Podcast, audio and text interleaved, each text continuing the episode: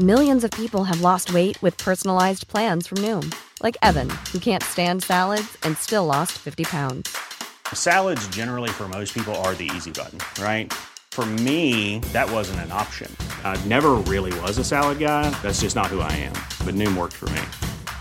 Get your personalized plan today at Noom.com. Real Noom user compensated to provide their story. In four weeks, the typical Noom user can expect to lose one to two pounds per week. Individual results may vary. In the market for investment worthy bags, watches, and fine jewelry, Rebag is the answer. Rebag is a luxury resale platform where each piece is carefully inspected by experts to ensure quality and authenticity. Use Rebag to buy and sell finds from the world's top brands, including Louis Vuitton, Chanel, and Cartier. Head to Rebag.com to get 5% off your first purchase with code REBAGNEW. Shop today at Rebag.com. That's R E B A G.com. And use promo code REBAGNEW for 5% off your first purchase. Since 2013, Bombas has donated over 100 million socks, underwear, and t shirts to those facing homelessness. If we counted those on air, this ad would last over 1,157 days. But if we counted the time it takes to make a donation possible, it would take just a few clicks. Because every time you make a purchase, Bombas donates an item to someone who needs it. Go to bombas.com slash ACAST and use code ACAST for 20% off your first purchase. That's bombas.com slash ACAST, code ACAST.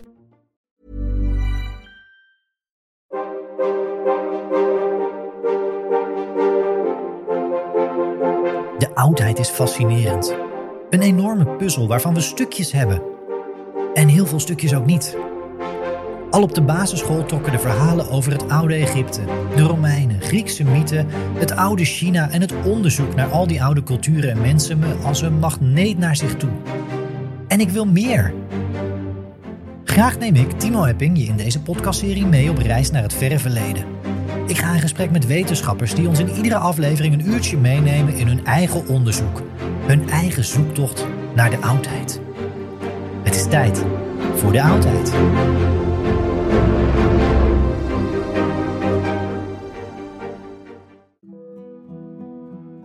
Deze aflevering heb ik het genoegen om met Dr. Ayan Aksu te spreken.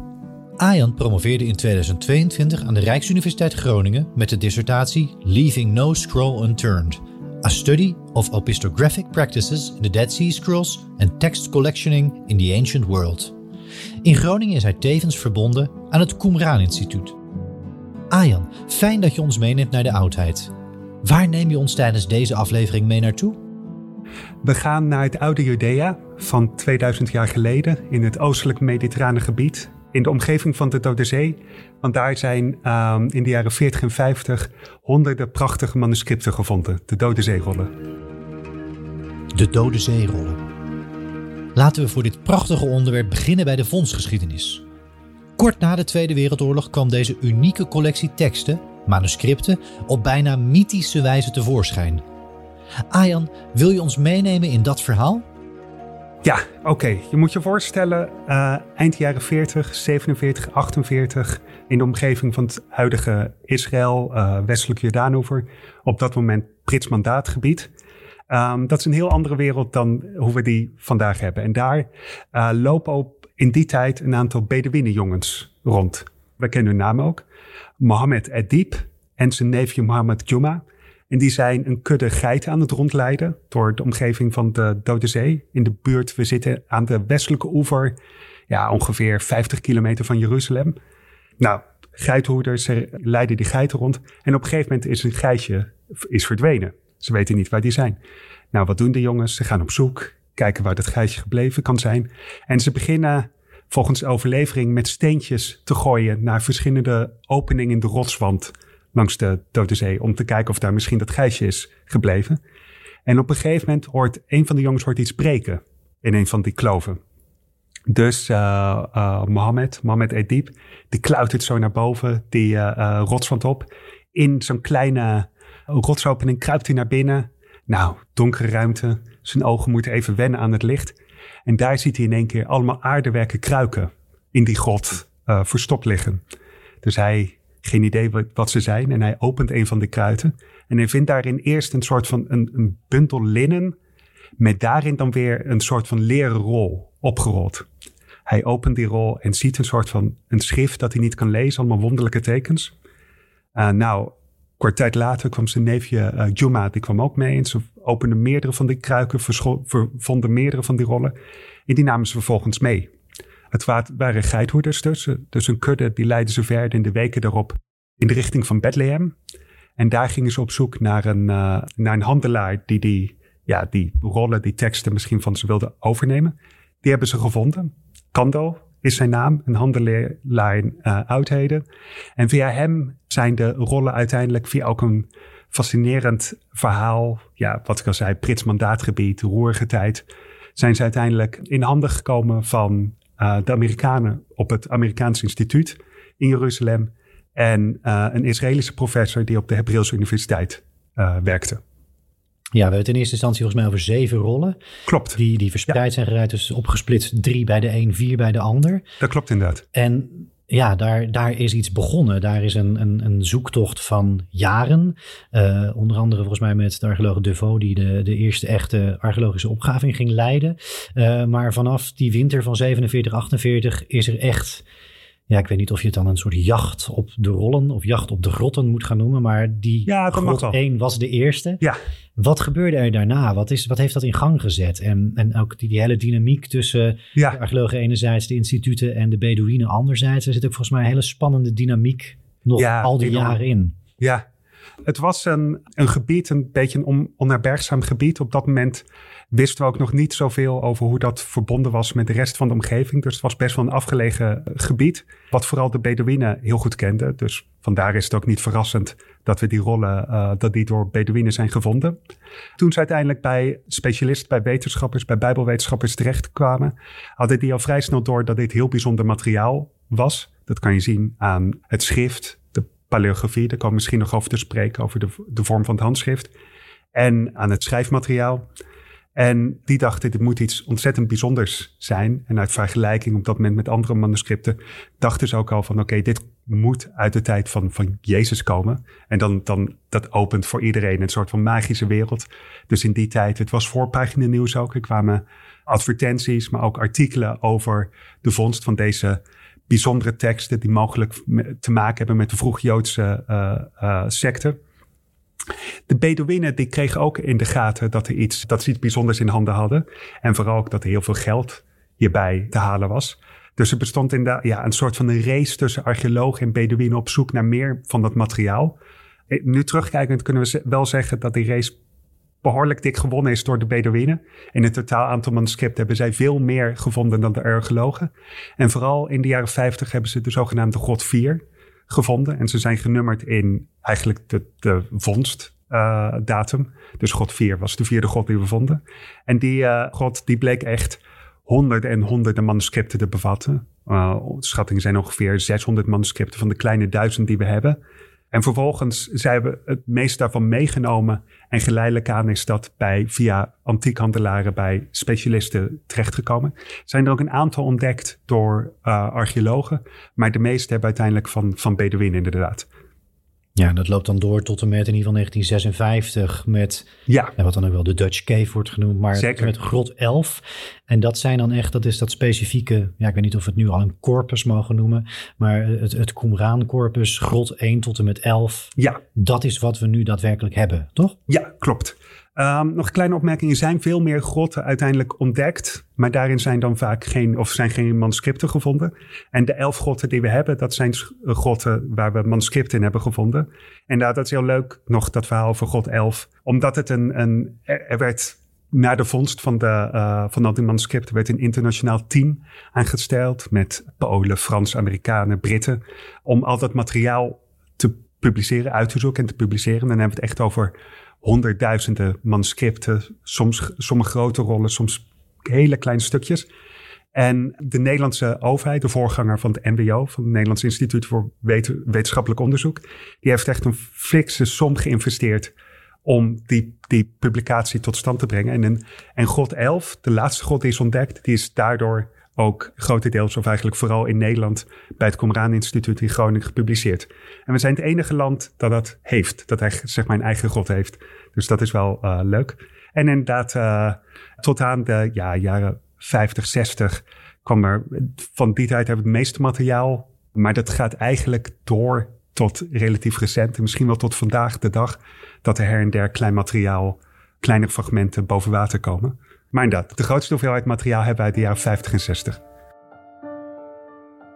Grot 1 tot en met 11 zijn dus de grotten waar het rond Qumran om draait. Daar zijn die rollen en fragmenten gevonden. Maar voor ons beeld, Ayan, waar moeten we bij dit soort grotten precies aan denken? Heel grof gezegd, er zijn twee soorten grotten van die elf. Sommige zijn zeg maar natuurlijke grotten in, in de rotsen daar.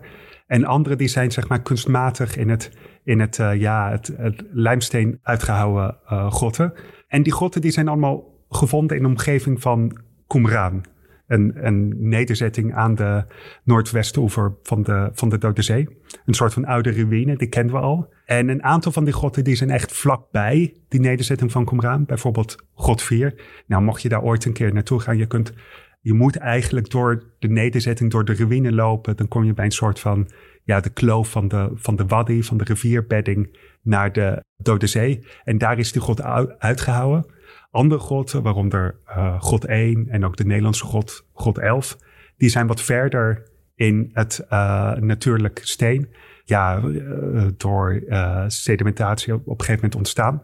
De grootte daarvan wisselt heel erg. Sommige zijn heel erg klein en kan je ook nauwelijks in rechtop staan bijvoorbeeld. Een aantal zijn ook groter. En God 1 is een beetje van gemiddelde grootte. Met een hele kleine uh, opening, die aanvankelijk, die later ook door archeologen verder is uitgehouden. Maar dat zijn grofweg de twee verschillende grotten die we hebben. Ja, ja, echt fascinerend. En, en wat je ook zei, uh, echt verbonden aan Qumran. Ik begreep ook dat sommige grotten echt, dat je daarvoor echt specifiek door Qumran heen moest om er überhaupt te komen.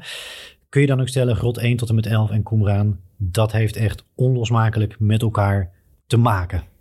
Onlosmakelijk is, is een sterk woord in, in, dit soort onderzoek. Ik denk zelf van wel. Dat heeft niet alleen met de locatie van de grotten te maken, maar ook met uh, archeologisch materiaal. Dus we hebben dezelfde, uh, hetzelfde soort aardewerk bijvoorbeeld gevonden.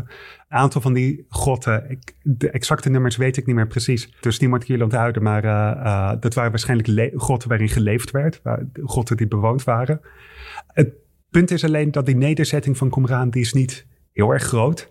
Dus eigenlijk is dat direct een soort van een vraagstuk. We hebben een enorme hoeveelheid materiaal, kleine duizend manuscripten, maar een vrij kleine uh, nederzetting. Dus hoewel we wel denken dat ze met elkaar te maken hebben, dat, dat het om dezelfde soort groep gaat, is het moeilijk om te zeggen hoe dat precies zat. Er is aanvankelijk wel geopperd dat het misschien die, een, een, soort van een bibliotheek, om een bibliotheek gaat van de groep die in Qumran gewoond zou hebben.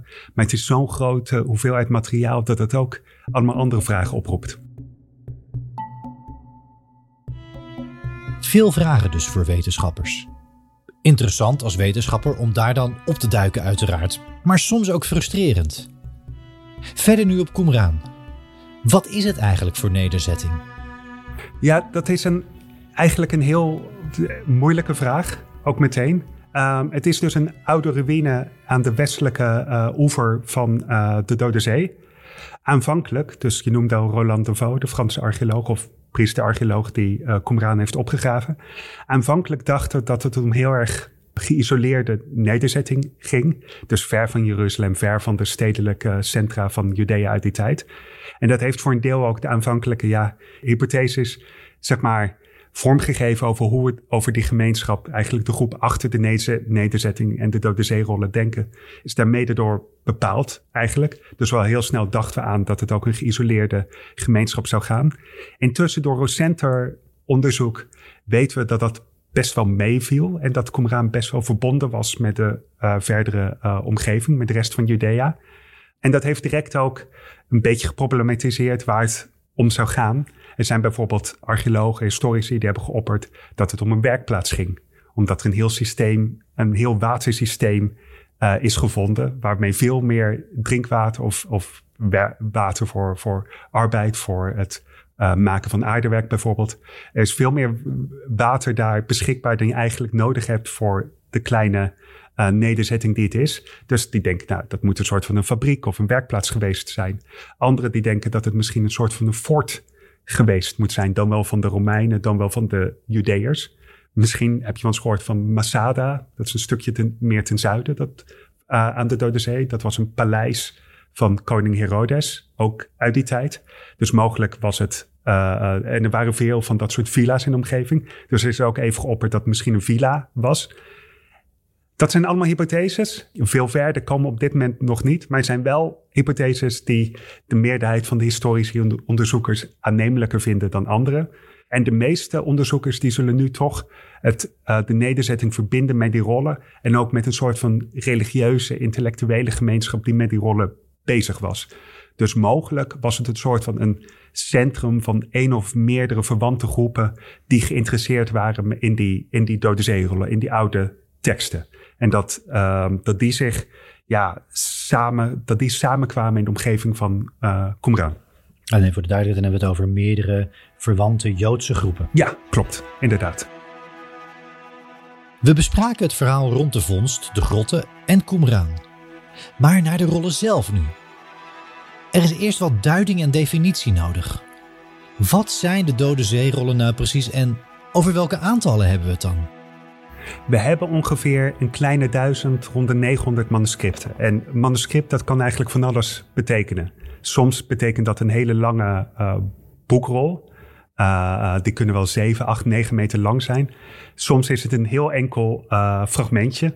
Soms is het een heleboel fragmenten. Gaat het om tientallen kleine stukjes leer meestal. Die um, door historici samen is gevoegd. En waarvan we denken dat het eens aan tot hetzelfde manuscript heeft behoort. Er is veel discussie over ook. Er is heel veel discussie. En dat is nog steeds de identificatie daarvan, dat gaat ook door tot, tot vandaag de dag. De meerderheid is geschreven op leer, op een soort van perkament, maar dan aan één kant geprepareerd. Huiden van uh, geiten, van kalveren, van allerlei soorten vee eigenlijk uit de, uit de regio. We denken overigens dat niet iedere rol is onderzocht, maar het chemische analyse en vooral het, het water dat is gebruikt bij de preparatie van de rollen. Daar, daaraan denken we dat het ook echt in de omgeving van de Dode Zee is, ge, uh, dat ze zijn geprepareerd, de rollen zijn gemaakt eigenlijk. Dan hebben we ook ongeveer 10%, dus een 100, uh, 150, 200 uh, rollen zijn papyri. Papyrus, dat is eigenlijk het platgeslagen stengel van de papyrusplant, die vervolgens allemaal op een rijtje is geplaatst, is samengeperst. En zo, dan krijg je een soort van een, een vroeg papierblad. Dat is eigenlijk niet, komt eigenlijk niet oorspronkelijk uit Judea. Dus mogelijk gaat het hier om materiaal, schrijfmateriaal, dat is geïmporteerd uit, uit Egypte. Maar uh, de meerderheid is dus leer en uh, papyrus. Dan hebben we nog ook één ding dat is heel erg spannend. Dat is een koperen dode zeerol. Een rol die in koper is, uh, ja, niet echt geschreven, maar een soort van uit, uitgedrukt, uitgeslagen. En daarna is opgerold. Heel spannend ding is dat. En die variëteit in schrijfmateriaal die zie je eigenlijk ook in de verschillende talen. De meerderheid is geschreven in het Hebreeuws, wat op dat moment eigenlijk de heilige taal was van de Judeërs, van de Joden uh, in die tijd. Er is ook een behoorlijke hoeveelheid, ook ongeveer ja, 8, 19 procent gaat het dan om in het Aramees, wat op dat moment eigenlijk de lingua franca van de regio was. En dan hebben we er ook nog een aantal in het Grieks, een paar, niet zo heel veel, maar een handjevol Griekse manuscripten. Dan is er nog een derde onderdeel van variëteit en dat is het schrift. Dus het Hebreeuws en het Aramees is geschreven in hetzelfde schrift. Het is een lang verhaal, maar eigenlijk is het moderne Hebreeuws wat we hebben, is eigenlijk het Aramees. Maar dat op, in die tijd werd dat al, uh, was dat heel erg uh, gangbaar om in het Hebreeuws het kwadraatschrift, noemen we dat, om in het kwadraatschrift te schrijven. Maar er is ook een oudere schriftvorm van het Hebreeuws. Dat noemen we Paleo-Hebreeuws. En dat is grofweg tussen ongeveer 1000 voor Christus en 500 voor Christus was het gangbaar. dat hebben we niet op manuscripten, maar wel op ostraca bijvoorbeeld. Beschreven potscherven eigenlijk. En plotseling bij de Dode Zeerollen zien we weer van dat Paleo-Hebreeuws her en der eh, boven water komen. Uh, op een aantal manuscripten. Dus zo hebben we best wel een bijzondere variëteit in uh, schriften, in talen, in manuscripten. En dan hebben we nog niet eens over de variëteit en de kwaliteit waarin het geschreven is. Maar daar komen we misschien nog op. Ja, en als we dan uh, van daaruit uh, al die variëteit in taal, in schrift en materiaalsoorten. Over wat voor teksten, hè? we hebben het al over de context gehad. Ja. Het zijn Joodse groepen die daar zitten. heilig schrift. Mm -hmm. Over wat voor teksten hebben we het dan? We hebben het over uh, opnieuw heel veel verschillende soorten teksten. Maar de grote klapper, en dit is wat de Dode Zeerollen zeker aanvankelijk zo ontzettend bijzonder maakt en zo ja, in het oog sprong eigenlijk. Bij ongeveer 40% van de kleine duizend manuscripten die we hebben zijn bijbelteksten. Teksten, manuscripten van de boeken uit het Oude Testament. En dat is, dat is ongelooflijk. En um, als ik je een klein beetje context bij mag geven. Het oudste manuscript van het Oude Testament dat we hebben, en eigenlijk de basis van iedere moderne Bijbelvertaling, dat is een, een codex, een boek uit de vroege uh, 11e eeuw. De Leningrad Codex uit ongeveer 1008, 1009 komt die uh, in Sint-Petersburg. En dat is het oudste volledige manuscript van de Hebreeuwse Bijbel, het Oude Testament. De Dode Zeerollen, die zijn eigenlijk zo'n duizend jaar ouder dan dat manuscript. Uit een periode dat we eigenlijk vrijwel niks hebben. En die Dode Zeerollen, die, vertellen, die, die liggen veel dichter bij, de, bij het tijdperk waar, waarover de Bijbel vertelt, eigenlijk. Dus over het Oude Testament vooral. Over eigenlijk het gehele eerste millennium voor Christus. Daar liggen die Dode Zeerollen veel dichterbij dan die Leningrad Codex, die codex uit Sint-Petersburg uit de 11e eeuw. En dat is een enorme brug die we hiermee kunnen slaan. En, dat, en we hebben ook relatief veel materiaal. Ongeveer 40% gaat echt van tientallen, honderden manuscripten. Van ieder boek van de Hebreeuwse Bijbel, behalve het boek Esther. Uh, we hebben geen manuscripten van het boek Esther. Wel van alle andere, waarbij er een aantal populairder zijn dan andere. Dus uh, de Torah is al heel erg populair. Genesis, Exodus tot aan uh, Deuteronomium. Jesaja is een heel populaire profeet. Dus zo zie je dat een aantal teksten, een aantal bijbelteksten hebben meer materiaal van. Maar dan hebben we nog ongeveer 60% aan materiaal, nog steeds honderden manuscripten. En dat is echt een fascinerende vondst. Uh, want hierbij hebben we heel veel, ja, wat we een soort van kunnen aanduiden als soort van apocryfe teksten. Dus teksten die lijken op bijbelteksten, maar niet in het kanon en de uiteindelijke bijbel zijn beland. Sommige daarvan kenden we al. Uh, jubileeën bijvoorbeeld. Dat is ook uh, een tekst die we al hadden. In het Ethiopisch? In, ja, die hebben het Ethiopisch en nu hebben we hem in het Hebreeuws. We hebben Henoch. Dat is ook een tekst die we uit de, nog steeds een kanonieke tekst in de Ethiopische kerk. Die hebben we ook in, bij de Dode Zeerollen. Maar dan hebben we ook nog heel veel materiaal dat we nog niet kenden. En dat gaat om uh, gebedsteksten, uh, gebedenteksten. Dat gaat om interpretaties, bijbelcommentaren als het ware. Dat gaat om astrologische en magische teksten. Dat gaat om een aantal administratieve restjes ook. Wat hebben we nog meer? Kalenderteksten hebben we. We hebben heel veel teksten over wetsteksten en gemeenschapsregels. Over hoe een, een, een goede Joodse, religieuze, gelovige Joodse gemeenschap in die tijd zou moeten leven. Dus een ontzettende variëteit. En eigenlijk een veel grotere variëteit dan, die, dan, we, dan onderzoekers rond de jaren 40 en 50 eigenlijk verwachten. Dus dat is ook wat die Dode Zeerollen zo ontzettend spannend maken. We hebben het nu over vrijwel alles rond de Dode Zeerollen zelf gehad. Maar nog niet over de datering. Want uit welke periode stammen de rollen? Ja, dan zitten we ongeveer. Uh, precies, precies is een lastig woord hierin. We hebben uh, een vroege en een later een, een idee van de vroegste teksten en van de laatste teksten. Voor de vroegste teksten zitten we in ongeveer de derde eeuw voor Christus. Interessant is om hierbij nog even op te merken: de nederzetting van Qumran is gedateerd rond ongeveer 100 voor Christus. Dus verschillende van de rollen zijn eigenlijk al ouder dan, dan uh, Qumran, dan de nederzetting zelf.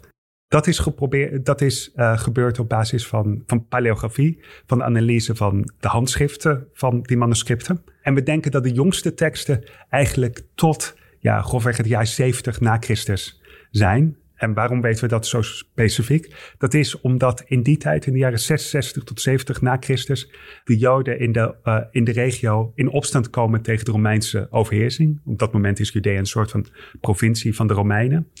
En dat loopt eigenlijk niet zo goed af, want er komt een echt een ware strafcampagne van de Romeinen in Judea. En uh, Qumran is daar ook het slachtoffer van. Qumran wordt vernietigd.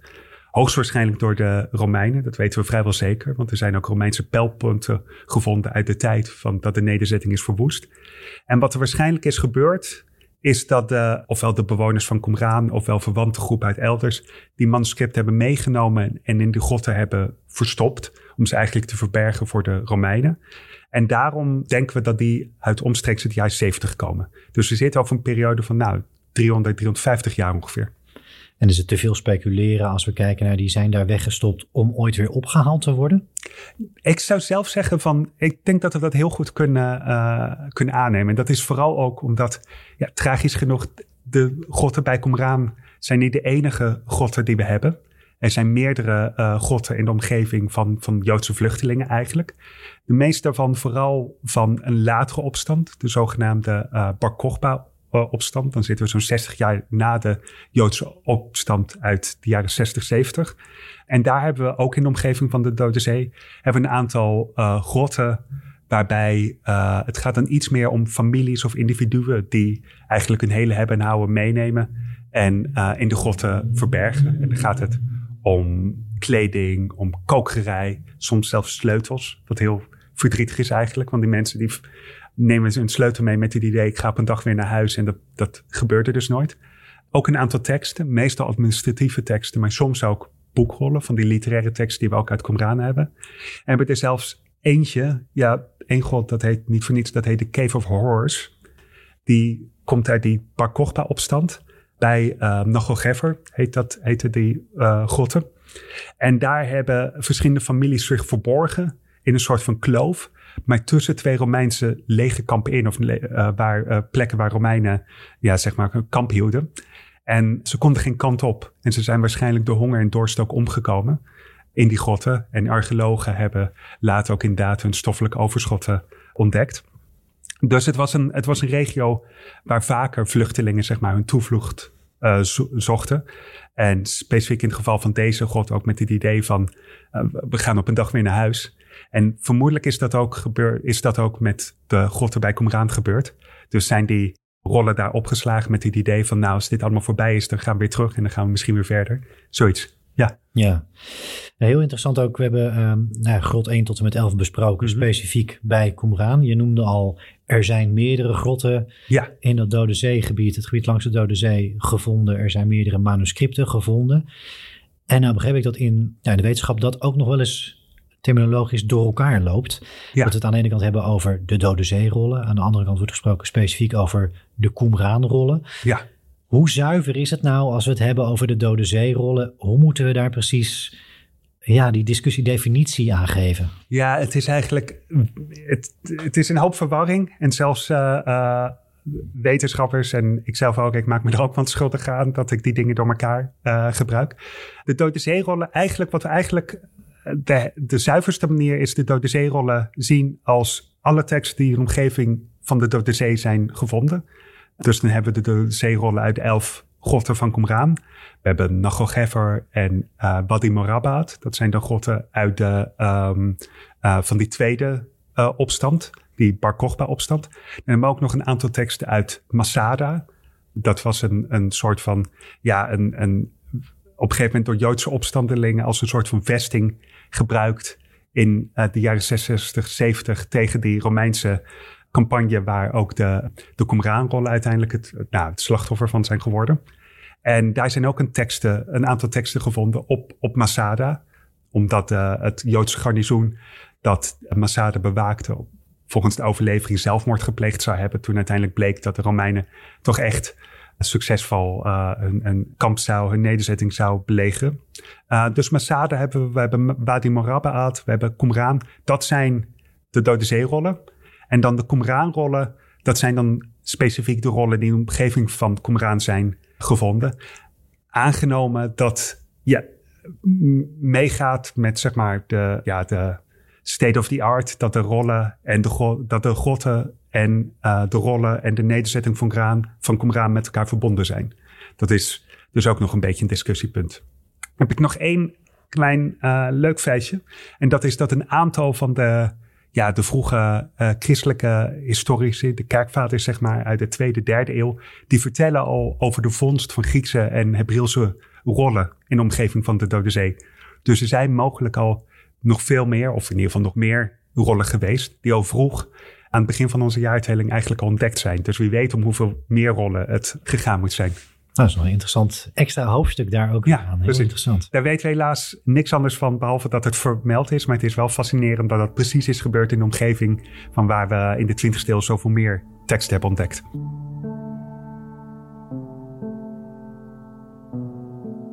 Een interessante toevoeging. Ayan noemde het al eerder. Al bij de vondst eind jaren 40 was er het idee dat er iets bijzonders gevonden was.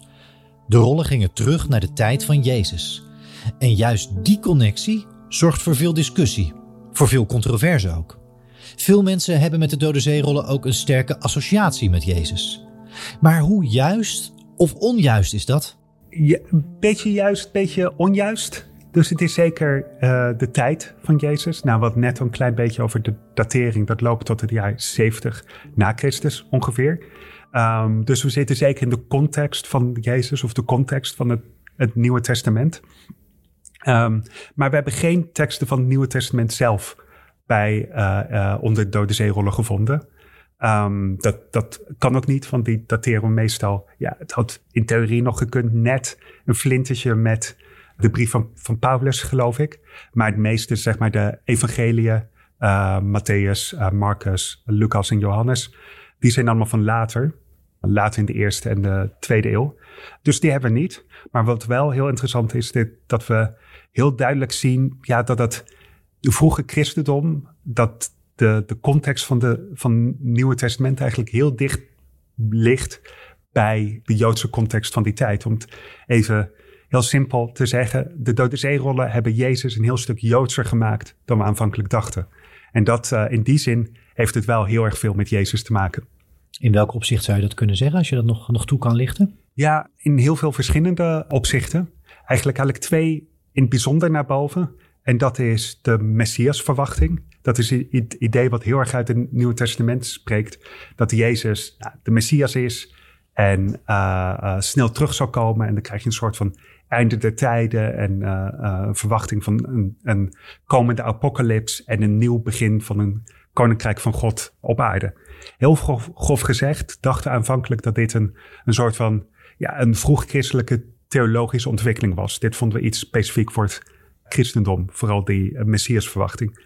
Die dode zeerollen die laten zien dat we dat eigenlijk al in, in, in dode zeerollen uh, vinden. Dat we dat eigenlijk al voor het Nieuwe Testament zien.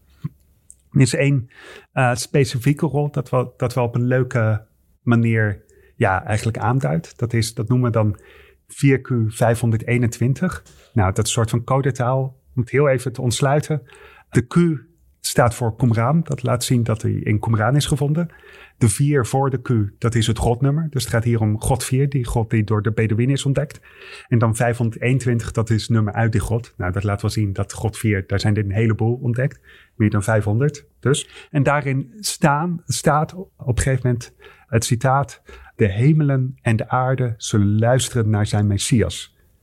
En dat is een, een soort van tekst die we heel erg heel erg doet denken aan het Nieuwe Testament, waar we ook die Messias-verwachting in zien. En iedereen die zich afvraagt, Johannes de Doper, die zich afvraagt van, is Jezus hem? Is Jezus de uh, Messias? En in dezelfde tekst zien we ook dus in, de doden zullen weer worden opgewerkt. Wat ook heel erg een nieuwtestamentische associatie is. Het Oude Testament spreekt veel minder over het opstaan, over de wederopstanding en de opstaan van de doden. Dus hierin zien, wat we in de Dode Zeerollen heel erg zien, is dat het ja, dat het Oude Testament, dat die heilige teksten op hun eigen tijd uh, betrokken worden. Dus dat ze geloven dat hun eigen tijd de vermaking wordt van, van, die, uh, van het Oude Testament. Dat worden bijna een soort van voorspellingen gelezen. En dat is eigenlijk ook wat Jezus, uh, hoe Jezus gepresenteerd wordt in het Nieuwe Testament. Dus hoewel we geen Nieuw Testamentische teksten hebben in de, onder de Dode Zeerollen, zien wel duidelijk dat ze in hetzelfde discours, in dezelfde context uh, geplaatst kunnen worden. Vanuit verschillende kanten binnen de wetenschap is er veel discussie over de inhoud van de teksten. Veel controverse, zoals al eerder gezegd. En waarom ligt er, zo kunnen we het wel noemen, zo'n enorm vergrootglas op juist deze teksten?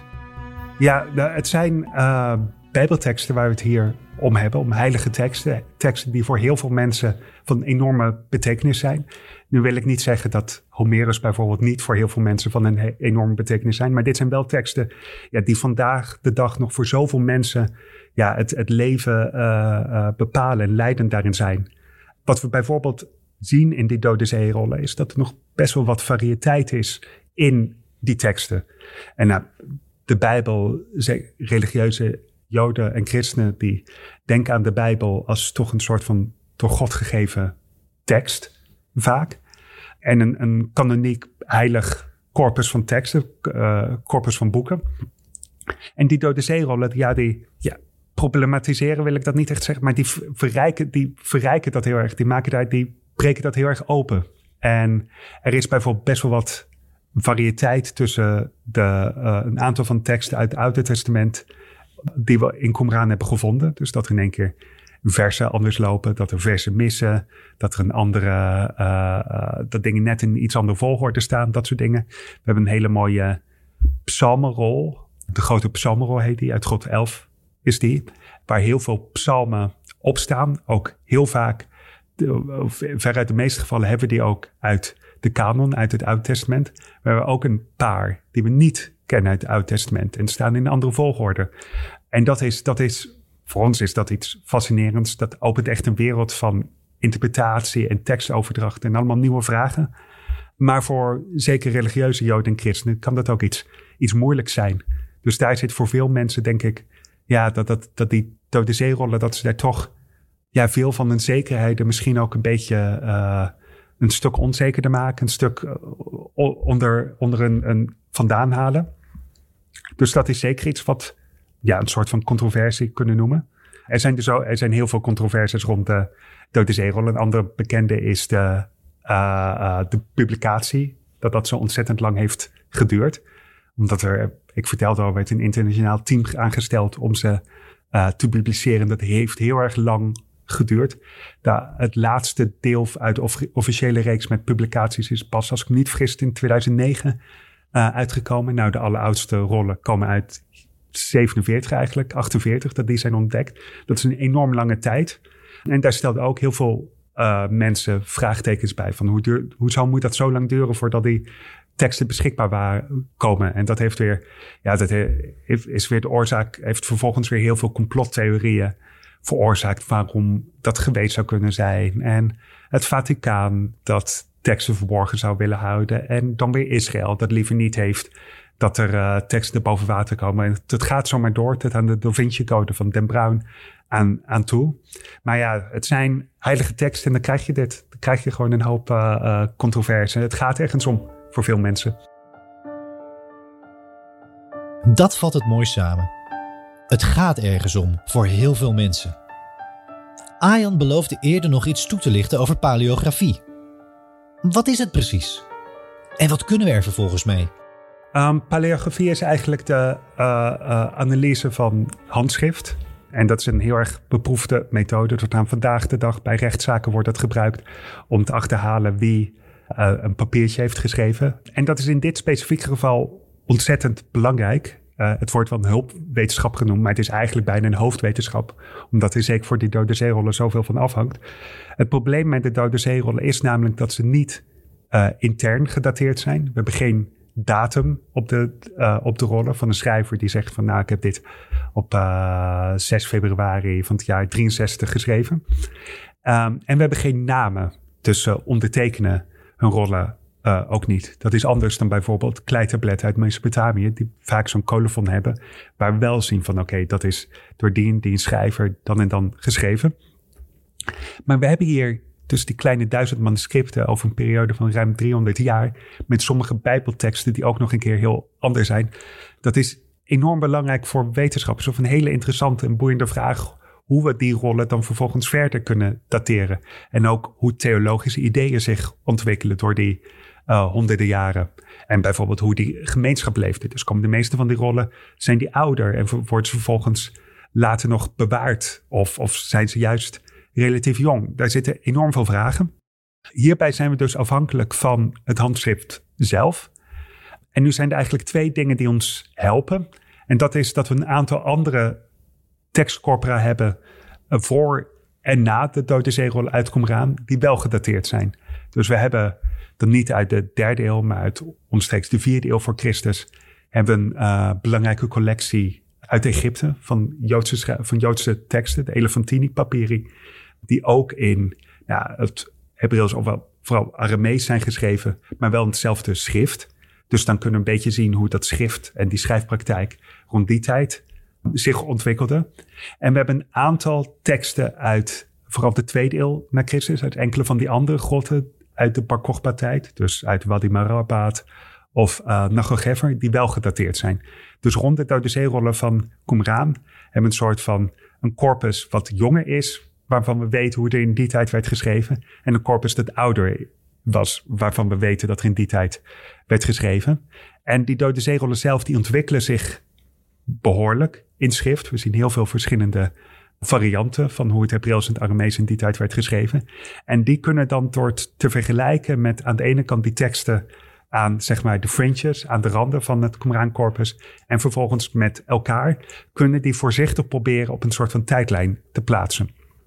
Dat is ontzettend lastig en heel erg subjectief werk, maar wel ook belangrijk werk.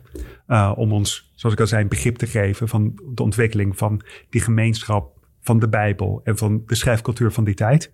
In Groningen zijn we nu met een nieuw project bezig om dat door middel van digitale paleografie te doen. Dus door middel van artificial intelligence, om die tekst nog beter te dateren. En daarmee nieuw inzicht te krijgen in, die hele, in de ontwikkeling van die schrijfcultuur. Dat gaat om datering. Dan hebben we ook nog door wie ze geschreven zijn. Dat is ook nog een enorme vraag. Van om hoeveel verschillende schrijvers hebben we dat eigenlijk? En daarbij komt ook de vraag hoe ontwikkelde het schrift zich eigenlijk? En uh, schrijfeducatie in die tijd eigenlijk, waarvoor Judea heel erg weinig over weten. We weten bijvoorbeeld niet eens of mensen naar schrijfschool, schrijverscholen gingen. We nemen aan dat er wel een soort van schrijfopleidingachtige dingen waren. Of dat dat vooral van vader op zoon gingen. Dat hebben we een aantal voorbeelden uit Elefantini, uit Egypte van. Dat dus de kinderen van, nou, dat vaders en kinderen eigenlijk leren om uh, te schrijven. En die namen, die vinden we dan ook. En dat is, hebben we ook nog heel veel open vragen op dit moment. Het zijn meerdere schrijvers geweest. Een aantal schrijvers, die kunnen we, daar kunnen we van aanwijzen dat die meerdere teksten hebben geschreven. Maar hoeveel, dat is ook nog een vraag die nog, en dit is nog volop in, in ontwikkeling. Dus daar is nog veel uh, terrein te winnen en nog veel te, te, ontdekken. Is er iets te zeggen over het lezerspubliek? Als je zegt van, we hebben nu gekeken wie schreven het. Was daar ontwikkeling? Was daar scholing? Was daar educatie? Aan de andere kant moeten mensen dan natuurlijk ook kunnen lezen. Mm Of nou ja, voorgelezen, toegesproken krijgen. Uh, aan welk publiek moeten we denken voor, voor, deze, voor deze teksten? Ja, hier zit echt hele mooie, hele spannende vraag is het eigenlijk. Want hier zit ook een enorme ontwikkeling in over het denken over lezen überhaupt. En lezerspubliek, dat moeten we hier ook heel ruim in interpreteren. Dat is niet alleen het publiek dat met de rol op schoot dat voor zichzelf ging lezen, maar werd, werd waarschijnlijk veel gereciteerd. Dus heel vaak gaat het ook mogelijk om een luisterpubliek.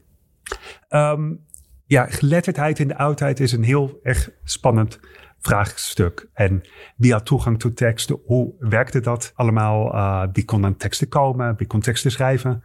En nu, en moet ik even voorzichtig zijn en niet te veel simplificeren.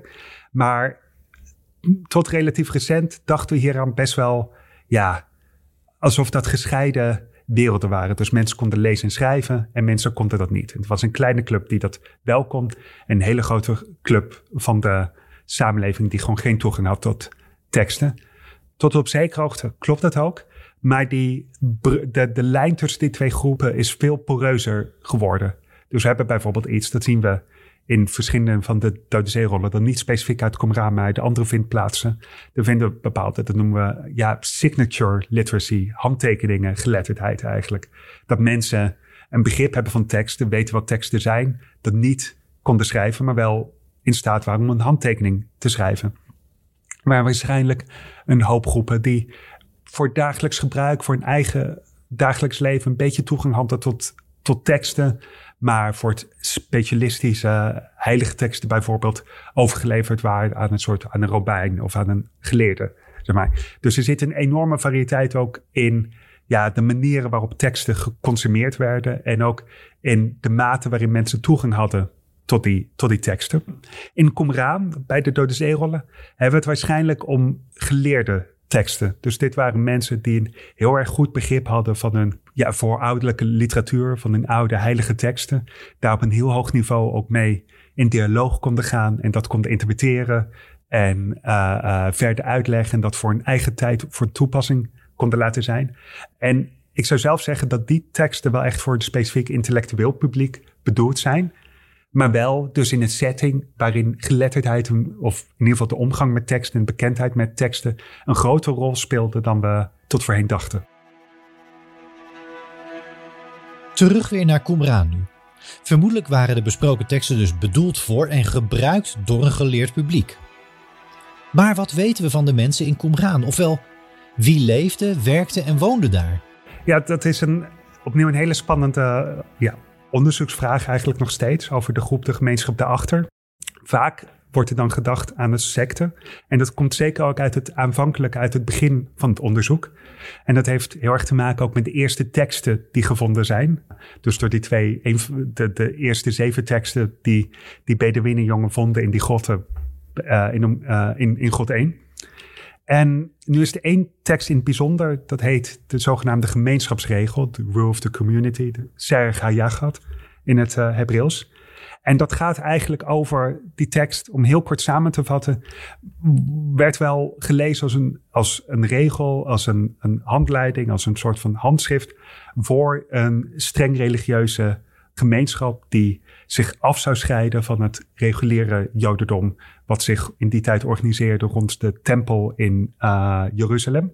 En omdat dat een van de eerste teksten is die ontdekt is, uh, die, uh, en omdat hij ook heel erg, in heel erg mooie staat bewaard is gebleven. En daarnaast waren er ook overigens verschillende andere teksten. Er zijn exemplaren van deze gemeenschapsregel ook in God 4 gevonden. Maar in ieder geval al vroeg ja, kwam het idee op dat het hier gaat om een, om een soort van religieuze secte. Nu heb ik zelf persoonlijk een beetje moeite met associaties ook met het woord secte, omdat het relatief ja, recent begrip is, wat zeker in de sociologie ook een oorsprong kent binnen het onderzoek van onder meer Max, Weber, over waarin hij een onderscheid ziet tussen een centrale kerk en kleinere religieuze gemeenschappen.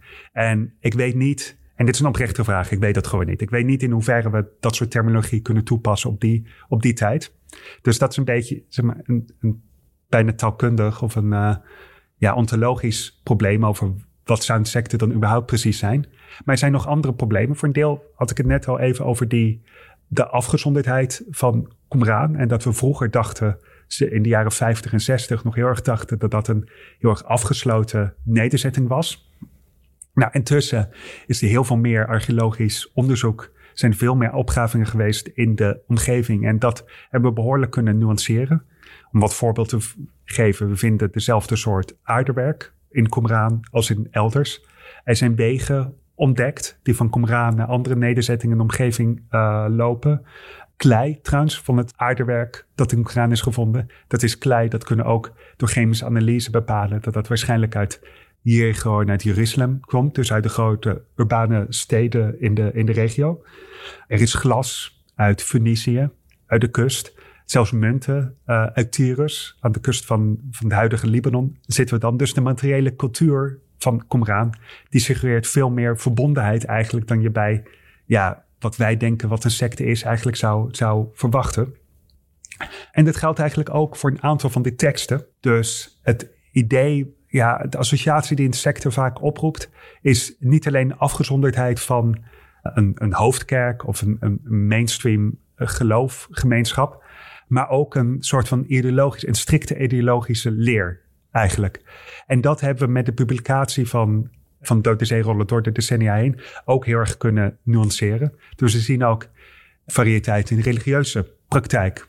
We zien, om een leuk voorbeeld te geven, verschillende kalenders. En dan moet je voorstellen dat kalenders en religieuze festivals. Er is een hoop dingen dat we niet weten over het Jodendom in deze periode. Maar wat we zeker weten is dat festivals, feestdagen, religieuze feestdagen ontzettend belangrijk waren. Uh, Yom Kippur, de Heilige Verzoendag, uh, Nieuwjaar, het Lotenfeest. Uh, al dat, dat waren grote, echt grote momenten in, het, in de Joodse religieuze kalender. Ontzettend belangrijk is daarbij wanneer je die viert. Het Jodendom vandaag de dag kent een, een soort een maankalender. Eigenlijk een lunisolaire kalender, maar in ieder geval een kalender die net iets anders loopt dan de kalender die, die wij hier op de Gregoriaanse kalender gebaseerd uh, hebben. Dus daarom verwisselen Joodse feestdagen ook door het jaar heen nog steeds een beetje ten opzichte van kerst bijvoorbeeld, om een voorbeeld te geven. Dat is een maankalender. Bij de Dode Zeerollen vinden we overwegend zonnekalenders. Maar dan ook toch weer een paar maankalenders eh, op manuscripten die daar ook weer in één keer tussen zijn beland. En je zou zeggen dat zijn twee dingen die niet met elkaar te verenigen zijn. Dat je dus, hoezo kan een secte in één keer teksten hebben waarbij zoiets belangrijks als een religieuze feestdag op verschillende momenten gevierd wordt? En zo zijn er een heel aantal voorbeelden, ook wat reinigheid betreft, dat er in één keer toch net andere wetgeving bestaat. Ik had het al even over verschillende soorten gemeenschapsregels. Daar vinden we ook behoorlijk wat variëteit. Bijvoorbeeld wat het celibaat betreft, over het, het nemen van een vrouw. Sommige teksten die vinden dat heel grof gezegd. Sommigen vinden dat oké, okay, anderen hebben, vinden dat totaal uit een boze is dat. En zo, zowel dus, waar ik het net ook over had, materieel gezien als textueel gezien, is er wat mij betreft eigenlijk te veel variëteit om echt over secten te kunnen spreken. Wat ik wel deel met het idee, met de onderzoekers die nog steeds ja, waarde hechten aan die term secte, is dat we de teksten centraal stellen. Dus dat de teksten, ik deel 100% dat de teksten voor de mens achter Qumran van ongekende betekenis geweest moeten zijn. Dit waren heilige teksten voor hen. En daarom denken we nu vaak in het onderzoek, of gebruiken we vaak ook wel de termen textual community. Dus een soort van gemeenschap, een, een groep of verschillende groepen die zich verzamelden rond het gedeeld belang in, in die heilige teksten. Dat in het kort. Ja, ja en dan wordt vaak nadrukkelijk uh, Qumran gelinkt aan een groep die we kennen als de Essenen. Zeker. Dan weer uit andere bronnen. Ja. Um, hoe correct is dat? Of is dat inmiddels ook gedateerd? Ja, dat, is, dat weet ik eigenlijk ook niet. De Essenen die kennen we uit vooral klassieke teksten, maar wel van Joodse acteur, uh, auteurs. Dan hebben we het vooral over Philo van Alexandrië en nog meer eigenlijk Flavius Josephus een uh, Joodse schrijver uit de eerste eeuw na Christus, die in het Grieks schreef en daarbij ook een Grieks, Grieks-Romeins publiek in gedachten had. En die schrijft eigenlijk een soort van overzichtwerk voor dit Grieks-Romeinse publiek. Over, nou, hij heeft er eentje over de Joodse oorlog, over de Joodse opstand. En één over uh, eigenlijk de geschiedenis van de Joden, waarin hij de geschiedenis van zijn volk, Jonadom voor dummies, maar dan voor de Grieken en Romeinen van, van zijn tijd. En hij maakt een onderscheid tussen verschillende stromingen in het Jodendom van die tijd. En daarin introduceert hij ook de Essenen. Die beschrijft hij.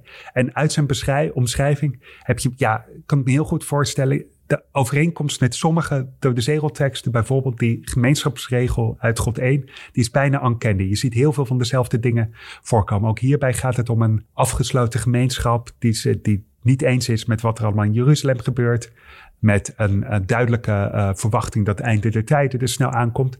Dus het is heel begrijpelijk dat die link is gelegd.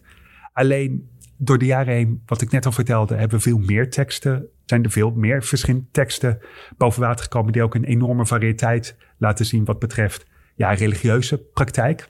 Ik denk ook eigenlijk dat we niet precies met zekerheid meer over één gemeenschap kunnen spreken. Misschien zijn het meerdere, ofwel één die zich door de eeuwen heen heel erg die heel erg veranderde en die zich heel erg ontwikkelde. En daarbij komt wat de terminologie van Essene nog wat lastiger maakt, is dat we de term zelf in de Dode Zeerollen niet vinden. Er zijn wel pogingen gedaan om Essene dan ja, via Semitische linguïstiek eigenlijk te, te, te koppelen aan een, dan een, een, een Semitisch en Hebreeuws woord. Maar dat is tot nu toe niet heel erg succesvol gebleken. Dus dan vraag ik mij af, eh, als je geïnteresseerd bent in de Dode Zeerollen, in de gemeenschap achter de Dode Zeerollen, dan is Essene eigenlijk geen term die zij voor zichzelf gebruikte. We hebben ook geen tekst van jo Josephus gevonden bij de uh, Dode Zeerollen. Dus um, dan blijf ik voor mijn eigen onderzoek toch liever dichter bij hoe zij zichzelf zagen. Ze hebben andere namen die ze zelf geven, of in ieder geval die we in teksten naar voren zien komen. Eentje is bijvoorbeeld Jagat, de gemeenschap, zien we bijvoorbeeld. Van alles met Israël, het, het, het volk of soort van de geloofgemeenschap van Israël. Dat soort termen zien we heel vaak naar voren, uh, naar voren komen. Maar Essene niet echt hierbij. Dus het nadenken over, over is heel erg interessant voor wie belangstelling heeft voor Flavius Josephus, zijn werk. De beeldvorming van het vroege Judea en de Joden in in het Grieks-Romeins taalgebied. Maar of het voor de Dode Zeerollen per se heel erg behulpzaam is, daar ben ik nog niet van overtuigd. Dit was de eerste aflevering van een tweeluik over de Dode Zeerollen met Dr. Ayan Aksu van de Rijksuniversiteit Groningen. Er was nog meer te bespreken en dat hoor je binnenkort in een bonusaflevering. Vergeet niet om even op volgen te klikken daar waar jij podcast luistert en dan verschijnen nieuwe afleveringen van Oudheid automatisch in je feed. En er komt nog heel veel meer aan.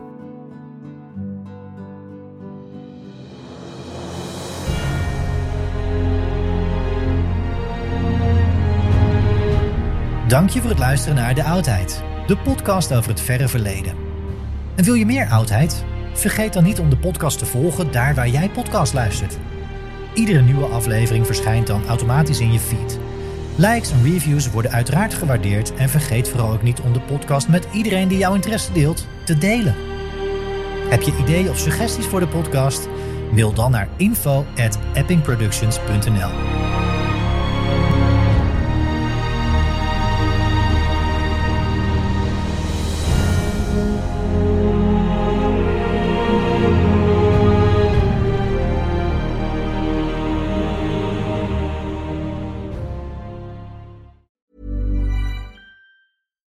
it's Paige DeSorbo from Giggly Squad.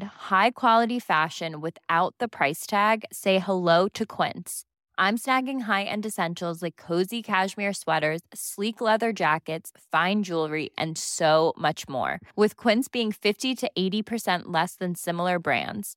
And they partner with factories that prioritize safe, ethical, and responsible manufacturing. I love that. Luxury quality within reach. Go to quince.com slash style to get free shipping and 365 day returns on your next order. Quince.com slash style.